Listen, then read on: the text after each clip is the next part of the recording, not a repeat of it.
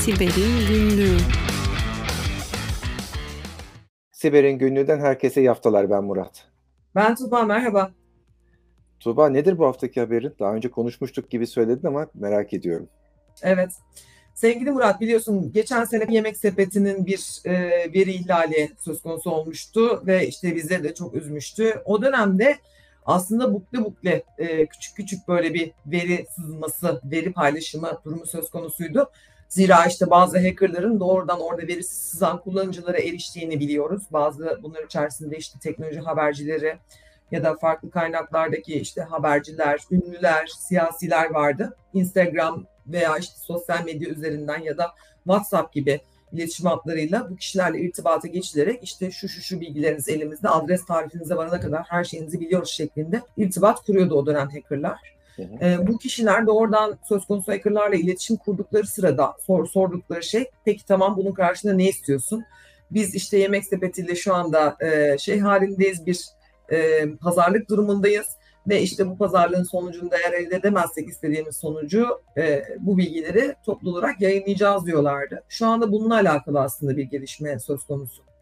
E, bir hacker e, yaşı küçük olduğu e, iddia ediliyor. Arkasında bir hack grubu olup olmadığı henüz tam olarak bilinmiyor. Bu konuda bir takım hurafeler var sadece. Henüz doğrulanmış bir şey yok ve üstlenmiş herhangi bir grup da yok bu saldırıya ama e, yemek sepetindeki verileri farklı verilerle de zenginleştirdiğini iddia ediyor şu anda ve e, bazı forum sayfalarında bunlar için e, bunlara karşılık 15 e, Bitcoin o dönemki kurunu bilmiyorum talep ettiğini ancak yemek sepetinin bunu karşılamadığını bu hack olayının yanı sıra farklı sitelerden elde etmiş olduğu verilerle beraber bu veriyi zenginleştirdiğini e, elinde çok sayıda Türk vatandaşına ait işte iletişim bilgileri, adres bilgileri, hatta TC kimlik numarası, kimilerinin kredi kartı bilgisi gibi bir takım bilgilerin olduğunu iddia ediyor. Ve söz konusu iddiaya karşılık olarak e, Koç ailesinden ismini vermeyeyim şimdi bir e, kişinin Koç ailesi mensubuna tabi bir kişinin kendisiyle irtibat kurmaması halinde veya yemek sepetinin istediği bedeli ödememesi halinde bu bilgileri peyderpey her hafta yayınlayacağını söylüyordu. Ki zaten bu hafta itibariyle de ilk 50 binlik data setini paylaşmış durumda. Tabii kanunen bizim böyle bir siteye erişip e, buradaki kişisel verilerin doğruluğunu teyit etme gibi bir olanağımız yok. E, bunu ancak e, güvenlik kuruluşları doğrudan yapabilirler diye tahmin ediyorum. Burası senin alanına giriyor. E, hukuktan bir görüş olarak e, burayı araştırmanı tavsiye ediyorum sevgili arkadaşım. Ben de danıştım birkaç hukukçu arkadaşıma. E, ben birey olarak, Tuğba olarak benim verim orada var mı yok mu şeklinde bakabiliyorum. Ama e, oradaki herhangi bir veri setini, örneğini tanıdığım yakınım biri olsa paylaşamıyorum. E, dolayısıyla böyle bir durum söz konusu ilk 50 binlik veri seti yayınlandı. Hani bu veriler güncel midir? Gerçekten yemek sepetiyle ilişkili midir? E, ya da işte bunun yanında başka hangi tür veri setleri var? Tam olarak bilmiyoruz. Sadece orada e, uzaktan baktığımızda gözlemlediğimiz hani bir bazı te- kişilerin TC kimlik numaraları, bazı kişilerin isim soyisim bilgileri, yanında bir cep telefon numarası veya adres bilgisi gibi bir takım veriler olduğu yönünde. Aynı hacker'ın şöyle bir iddiası da var. Türkiye'de bir gaz şirketi, daha doğrusu oil olarak yani benzin gibi Hı, bir benzin. e, servis e, veren bir şirketin verilerini ele geçirdiği yönünde. Ama ve lakin o söz konusu şirketin verisinin hacklendiği ile alakalı iddia aslında bundan 2-3 hafta önce yayınlanmıştı. E, ve işte bir yerlerde bu veri satılıyordu zaten. Yani bu kişi yemek sepetini doğrudan hackleyen kişi olmasa bile bu verileri muhtelif ortamlardan satın alarak kendi yazdığı belki bir algoritmayla zenginleştiriyor da olabilir. Orada çünkü çok fazla bireye ait şey yok, bilgi yok. Bu e, söz konusu benzin şirketi de bir Türk şirketi bu arada. E, Türkiye'de faaliyet gösteren bir şirket.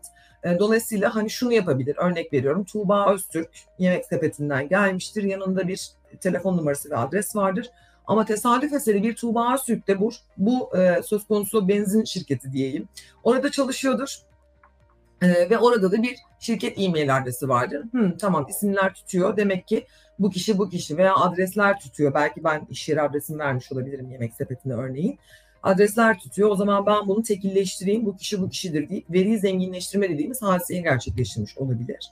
Bunun detaylarının takipçisi olacağız ama şu anda maalesef 50 bin 50 bin e, liksetler halinde bu veriyi yayınlayacak gibi görünüyor. 500 bine geldiğinde duracağını söylüyor ve Koç ailesine mensup olan bir kişinin kendisi irtibat kurması halinde e, burada yapılabilecek ikinci bir pazarlık sonucu sanıyorum. E, bu veri paylaşımını durdurabileceğini iddia ediyor şu anda. Bakalım izleyerek göreceğiz. İlginç geldi. O yüzden bu hafta tekrar bir gündeme almak istedik. Çok teşekkürler Tuğba. Ben bir şey merak ediyorum. Hani niye Koç ailesi de Sabancı ailesi değil? Neden Eczacıbaşı değil? Neden bir başkası değil? Doğru bir soru. Peki hemen onu da yanıtlayayım. Sonu e, GSM'nin sonu 1907 ile bittiğini iddia ediyor söz konusu hmm. kişinin. Biliyorsun koca ailesi mensuplarının Fenerbahçe'nin yönetim kurulu da üyelikleri var. Dolayısıyla hani sanıyorum orada 1907 ile bitiyor hattı. Dolayısıyla bu cep telefon numarasını yayınlamam eminim onları rahatsız edecektir. O yüzden benimle irtibata geçsinler şeklinde aslında bir nevi şantaj yani bir tehditvari bir söylemi de var. Bakalım ne çıkacak bunun arkasından. Anladım. Tabii ki bir hacker'a e, yol yordam göstermek motivasyonuyla değil ama eğer telefon numarasına sahipse direkt o numarayı aramak da mümkün öyle değil mi?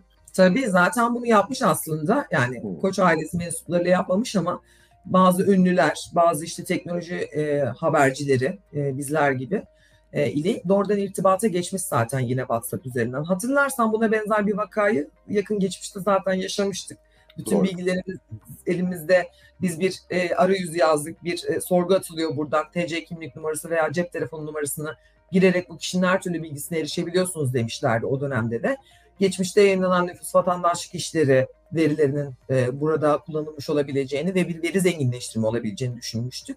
Bu sefer sadece aradaki fark kişinin yemek sepetini hackleyen kişi olduğunu söylemesi ve işte muhtelif şimdiye kadar varlığını bildiğimiz vakalardan da çıktığını bildiğimiz verilerin kendisinin de elinde olduğunu söylemesi. Aslında yine bir veri zenginleştirme durumu söz konusu diyebiliriz. Anladım. Teşekkür ederim. Ee, güzel habermiş. Ee, ben de tesadüf bu hafta bir e, Türk hack iddiası, iddiası yaptık gerçek şey oldu. Kişisel Verileri Koruma Kurumu'nun sitesinde yayınlandı. Ve onun arkasındaki haberi üzerinden geçip biraz yorum yapmak istiyorum. E, haberi e, Sabah gazetesindeki e, yayınlandığı haliyle aldım. E, zaten haberin kendi tarafında çok önemli bir şey yok ama altındaki satır aralarını biraz dikkatini çekmek istiyorum Tuğba. Önce kısaca haberi söyleyelim. E, hatta şeyin sabahın manşeti şöyle. Böyle hacker görülmedi. 17 yaşındaki genç üniversiteyi hackledi.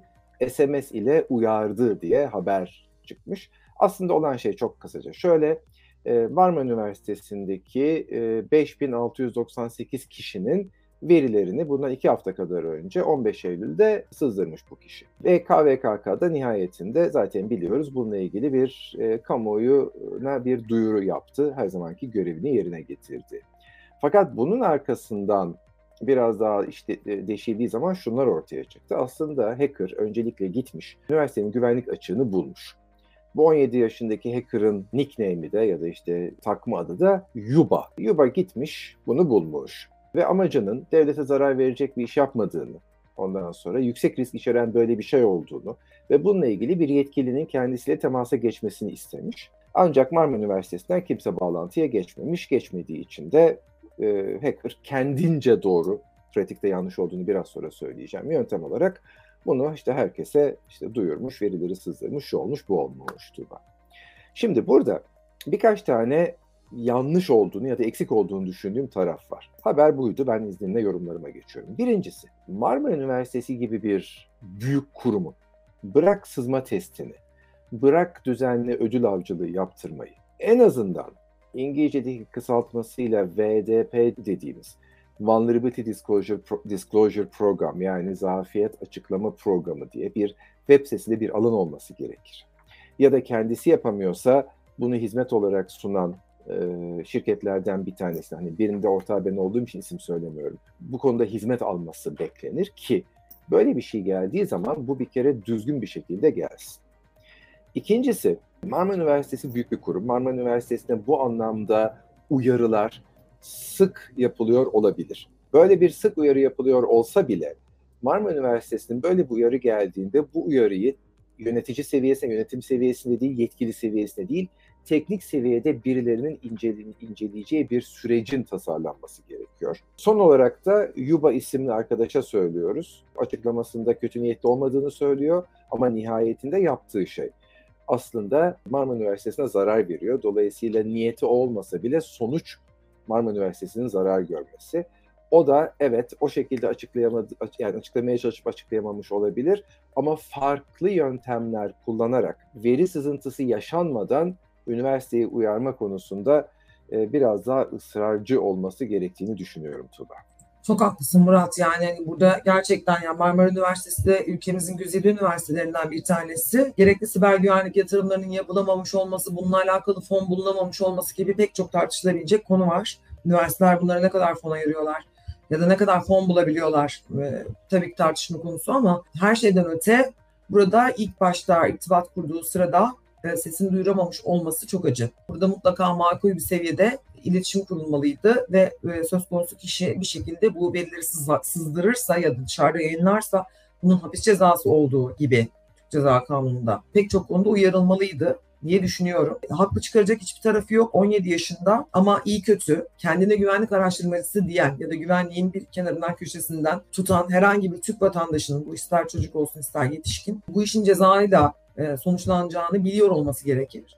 Ben inanıyorum bunun arkasında bilişim polisi, işte gerekli e, e, sivil toplum kuruluşları ve işte e, yargı yapıcı, ceza uygulayıcı merciler düşecektir mutlaka ve bir şekilde bu, bu suçun cezasız kalmaması sağlanacaktır diye tahmin ediyorum. Eğer kişi bulunursa tabii ki. Evet. E, ama yani burada, burada bu, bu iş çok ciddi boyutlara varıyor. Yani bugün bir üniversite, yarın bir işte örnek veriyorum işte savcılık olabilir, yargı mensupları olabilir herkesin bilgileri böyle peyderpey çıkıyor ve bu iş çok ciddi boyutlara ermiş durumda. Biliyorsun ülkemizde maalesef pek çok kişinin bu ve benzeri yollarla kişisel verileri zaten açığa çıkarılmış durumda. Kadın cinayetlerini tartıştığımız işte ya da doktor şiddetini tartıştığımız e, günlerden geçiyoruz.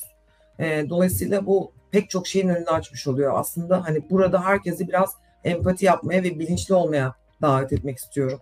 E, hackerlar da dahil olmak üzere buna bir güvenlik açığı bulmuş olabilirsiniz. Bunu raporlayın. Karşı taraf bununla ilgili önlem almıyor. Senin de sonunda kaçınılmaz olanı yaşayacaktır zaten. Ama siz de bu suçun bir parçası olmayın. Üniversite açısından da daha sonra bütün kurumlar açısından da böyle kanallar yani iletişim kanalları kurmalıyız bize gelmesi için.